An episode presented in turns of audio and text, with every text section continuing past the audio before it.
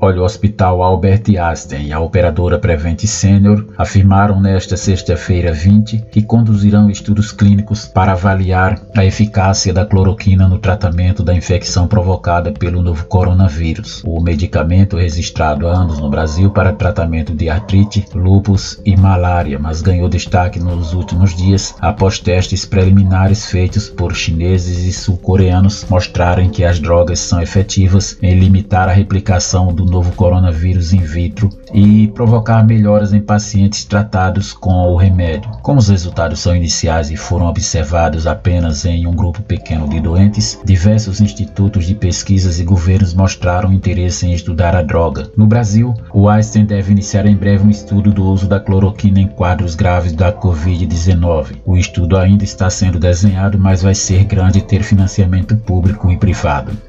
Ele vai ser coordenado pelo Einstein, mas terá a participação de outros hospitais, relata o médico intensivista Leonardo Rolim Ferraz, gerente do Departamento de Pacientes Graves do hospital. O Einstein é um dos hospitais com maior número de diagnósticos da Covid-19 até agora. Foi ele o responsável por detectar os dois primeiros casos brasileiros da doença. Atualmente, conta Ferraz, são cerca de 60 pacientes internados na instituição com infecção por coronavírus, dos quais 7 estão na UTI e outros 12 em unidade semi-intensiva. A Prevent que também reúne em sua rede de hospitais a Santa Maggiore, é, um alto número de doentes com Covid-19, anunciou nesta sexta-feira o início de uso experimental da cloroquina em seus pacientes. Em vídeo divulgado pela assessoria de imprensa da empresa, o diretor executivo Rafael Souza e a gerente médica Cláudia Lopes explicam que o estudo será feito com dois medicamentos. Começamos hoje um protocolo protocolo de pesquisa com alguns pacientes com diagnósticos confirmados de Covid-19, com duas medicações que são amplamente conhecidas na comunidade médica, a cloroquina e a azitromicina, diz Cláudia. A médica afirma que os testes serão feitos apenas em pacientes em estado crítico com autorização dos familiares dos doentes. Pelo menos cinco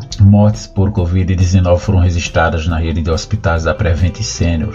Até a última quinta-feira, 19 ao menos 28 pacientes internados na instituição já tinham o diagnóstico confirmado da doença, dos quais 12 estavam na UTI.